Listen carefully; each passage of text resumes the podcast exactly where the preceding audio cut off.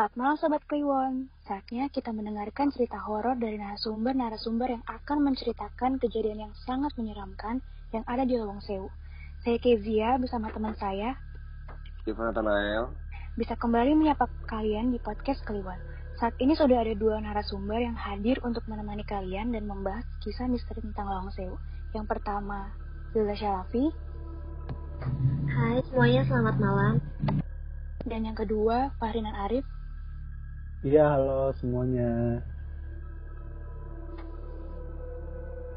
Nah, eh, sebelum kita masuk ke beberapa pertanyaan yang udah saya dan teman saya catat ini, saya pengen bahas sedikit sedikit aja tentang latar belakang Lawang Sewu ini. Jadi Lawang Sewu itu merupakan bangunan bekas Belanda yang dibangun pada tahun 1907. Kas- Kalian pasti pernah dengar lah gedung satu ini. Beberapa tahun lalu gedung peninggalan Belanda ini sangat populer, terutama di kalangan warga kota Semarang. Karena emang Lawang Sewu itu merupakan ikoniknya kota Semarang. Karena bukan hanya sejarah yang panjang, tapi karena arsitektur khas kolonial, juga. Tapi juga karena kisah-kisah seram yang menghantui gedung peninggalan Belanda ini. Waktu berlalu, Lawang Sewu kini udah direnovasi, udah diperbaiki segala macam, dan sekarang sudah dijadikan tempat wisata sejarah. Ya, nggak nggak usah perlu banyak basa-basi lagi. Kita masuk aja ke pertanyaan pertama. Kezia, Oke, pertanyaan pertama. Saat kalian pergi ke Lawang Sewu itu, apa sih alasan kalian ingin pergi ke Lawang Sewu dan apa aja sih yang kalian lihat pertama kali di Lawang Sewu? Alasan kami pergi ke sana karena menurut kami memang tempatnya kan cukup menarik ya buat dikunjungin dan banyak sekali sejarah yang ada di bangunan tersebut. Menurut penglihatan saya sendiri sih di sana memang cukup banyak ya eh, makhluk halus seperti hantu tentara Belanda, genderuwo, kuntilanak, dan yang cukup terkenal yaitu hantu noni Belanda. Iya, bener banget sih kata Teh Wilda. Al- eh, selain itu, alasan kita ke sana juga karena Lawang Sewu sendiri kan cukup terkenal angker ya kan Teh ya. Sampai-sampai dijuluk, dijuluki tempat paling angker se, se-Asia kalau nggak salah. Dan juga benar kata si Teh Wilda, kalau di sana tuh menarik untuk dikunjungi karena rumor angkernya yang cukup terkenal. Lalu untuk makhluk halusnya yang kita lihat sih pada saat itu cukup banyak sih dan beragam juga. Karena kan Lawang Sewu ini bangunan yang cukup tua kan. Dan banyak area-area yang dilarang dikunjungi wisatawan. Yang ya jadi jelas banyak banget makhluk halus di sana. Hmm. Terus ngomong-ngomong soal noni Belanda nih ya. Ada ini katanya yang paling populer nih. Yang paling diomongin tuh emang noni Belanda nih ya. Nah, menurut kalian nih, bener adanya gak sih kepopulerannya itu noni Belanda? Terus apa sih yang kalian lihat? Kayak misalnya bentuknya bagaimana, wajahnya bagaimana, terus dia misalnya pakai pakai bajunya kayak bagaimana. Terus yang saya yang saya pengen tahu itu tempat dia bersinggahnya itu setelah jadi arwah ini sekarang di mana sih kayak misalnya di ruangan ini di ruangan ini itu gimana di Belandanya itu Kalau soal noni Belanda atau orang-orang Belanda ya pasti ada kan karena ya itu kan bangunan lama dan bangunan peninggalan zaman Belanda kan tahun 1907 pada masa kita masih dijajah orang-orang mereka. Jadi memori memori memori arwah arwah Belanda itu di sana masih melekat di bangunan itu. Banyak noni-noni Belanda yang sekilas mengintip atau menampakkan diri di jendela-jendela Lawang Sewu. Adapun suara-suara kereta kuda maupun tentara-tentara Belanda yang sedang berjalan berpatroli pada masa itu pun terkadang terdengar jelas oleh orang-orang sekitar. Yang saya lihat sendiri sih memang ada ya sosok noni Belanda, terutama di ujung lorong. Memang dia sering menampakkan diri di sekitar ujung lorong tersebut. Eh, yang saya lihat sih penampakan itu bajunya itu kayak baju orang Belanda waktu mau tidur, warnanya putih, terus juga ada rendanya. Berarti emang udah jelas ya noni Belanda ini bagaimana bentuknya ya kan? Ya udah. Eh, silakan pertanyaan selanjutnya. Nah, kalian ini selama berada di Lawang Sewu itu kira-kira tempat-tempat atau spot di mana aja sih yang kalian pernah merasakan kejadian mistis selain yang kalian ceritakan barusan? Cukup banyak ya yang saya rasakan, terutama tuh di ruangan yang dikenal paling angker di gedung ini, yaitu ruangan sumur tua, penjara jongkok, lorong-lorong juga, penjara berdiri juga banyak, dan juga ruang penyiksaan. Uh, menurut warga sekitar juga makhluk astral paling sering ditemukan di lokasi tersebut. Jadi memang dulu para tahanan ditampung di ruangan penjara berdiri karena ruangannya memang tidak sebanding dengan jumlah tahanan, jadi banyak yang meninggal tragis karena mereka harus berdesak-desakan. Kalau saya pribadi sih, saya ngerasa aura atau energi negatif yang cukup kuat itu tuh pada lawang sewu itu di setiap balik-balik pintu, terus aula lawang sewunya, sungai yang di, di belakang lawang sewu itu, terus dan yang paling serem sih auranya penjara bawah tanah sih yang konon katanya kan tempat penyiksaan yang sangat keji pada zaman penjajahan Belanda itu. Itu sih kalau saya. Terus buat saya pengen nanya nih, uh, kalau buat orang-orang yang sensitif terhadap hal-hal mistis seperti kalian berdua nih, orang indigo.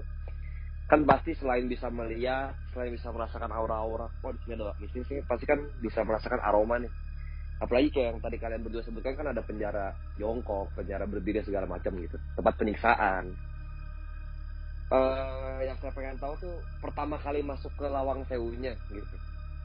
Daripada kalian melihat kayak misalnya oh di sini langsung ada langsung ada.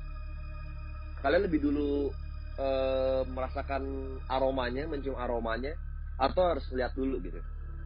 Aroma aroma apa sih yang kalian kalau terus kalau misalnya kalian cium aromanya aroma aroma apa gitu? Kayak misalnya bau busuk di ruangan ini bau busuk di ini bau melati gitu.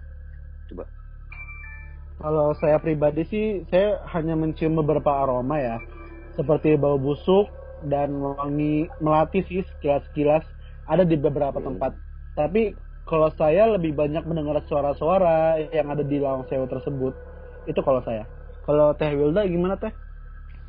Ya kalau saya sendiri sih lebih uh, tercium aromanya tuh pada saat saya ada di ruang penjara berdiri yang ada di lawang sewu itu sendiri ya karena menurut saya baunya tuh sangat e, bau anyir kayak darah segar dan juga kayak aneh dan misterius sih menurut saya sendiri.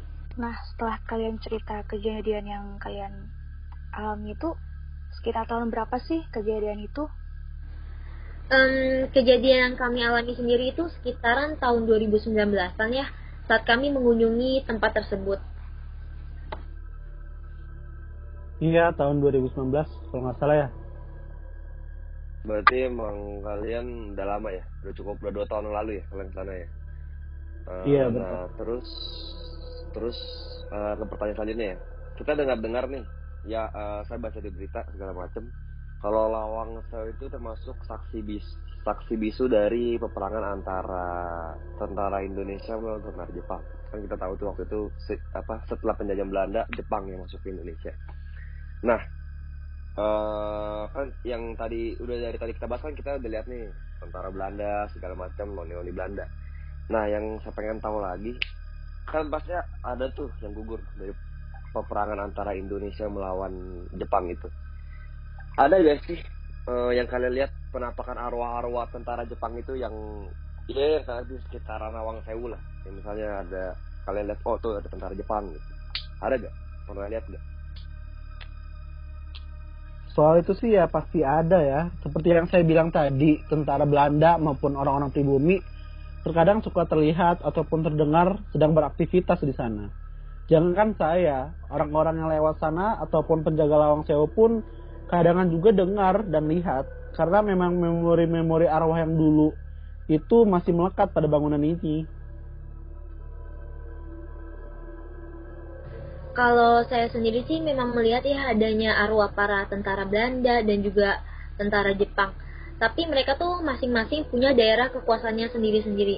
Misalkan ya di pintu depan paling barat bangunan tua itu dikuasai oleh sosok hantu tentara Belanda. Jadi setiap kali muncul penampakannya selalu mengenakan pakaian seragam terdadu lengkap dengan senapan laras panjang. Lain lagi di salah satu ruang paling depan yang ditenggarai oleh dulunya menjadi pos penjagaan tentara Nippon. Jadi di sekitaran tempat ter tersebut dikuasai oleh sosok uh, lembut yang berwujud terdadu Jepang, khususnya makhluk gaib yang satu ini. Mereka penampakannya seperti kayak kumisnya panjang melintang dengan ke mana-mana selalu membawa sebilah samurai panjang. Nah, setelah kalian cerita pengalaman kalian di Lawang Sewu barusan, terus ceritakan kembali nggak apa yang kalian rasakan saat kalian pertama kali melihat suatu, sesuatu mistis sana seperti sesak, pusing, atau mual begitu? Um, mungkin saya dulu ya. Yang saya lihat saat pertama kali datang ke sana, memang di sana kan cukup sangat menyeramkan dan juga mencengkram. Karena di sana tempat terjadinya banyak pembunuhan dan juga penyiksaan kan.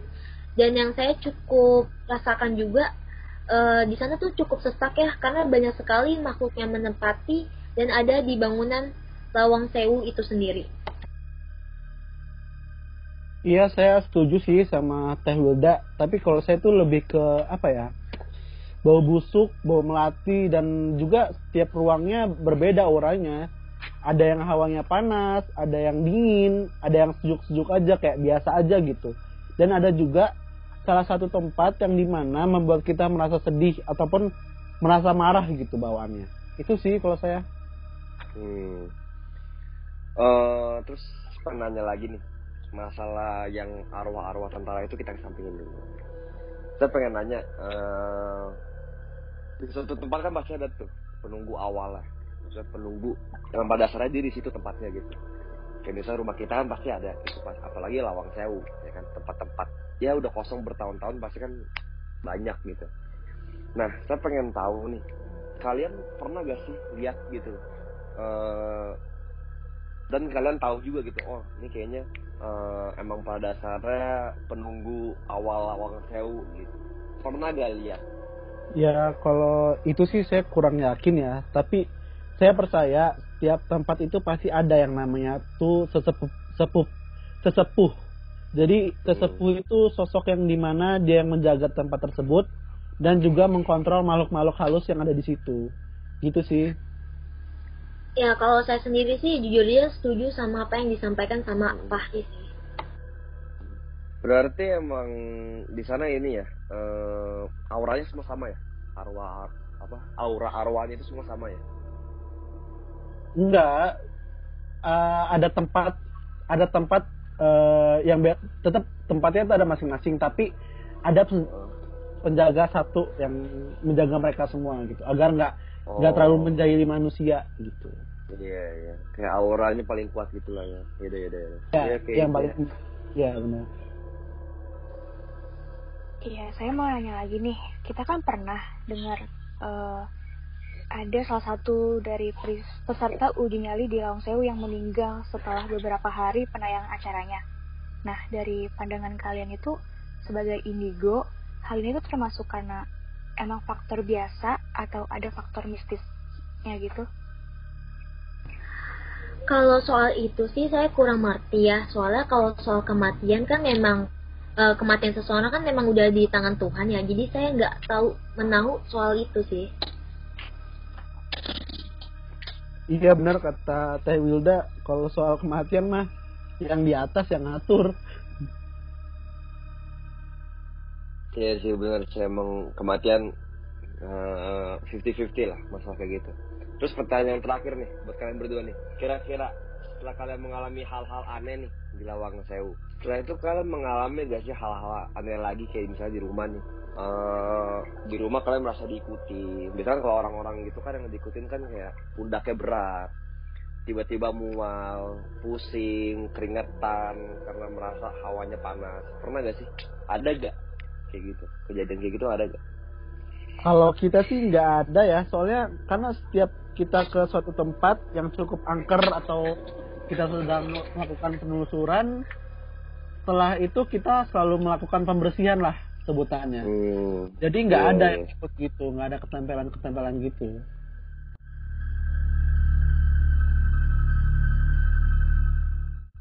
Sekian uh, buat podcast kali ini uh, terima kasih buat yang udah nonton. Uh, buat episode selanjutnya ya kan? Kita tidak bahas seperti itu lagi. Dan ya udah segitu aja. Terima kasih buat nonton. Bye bye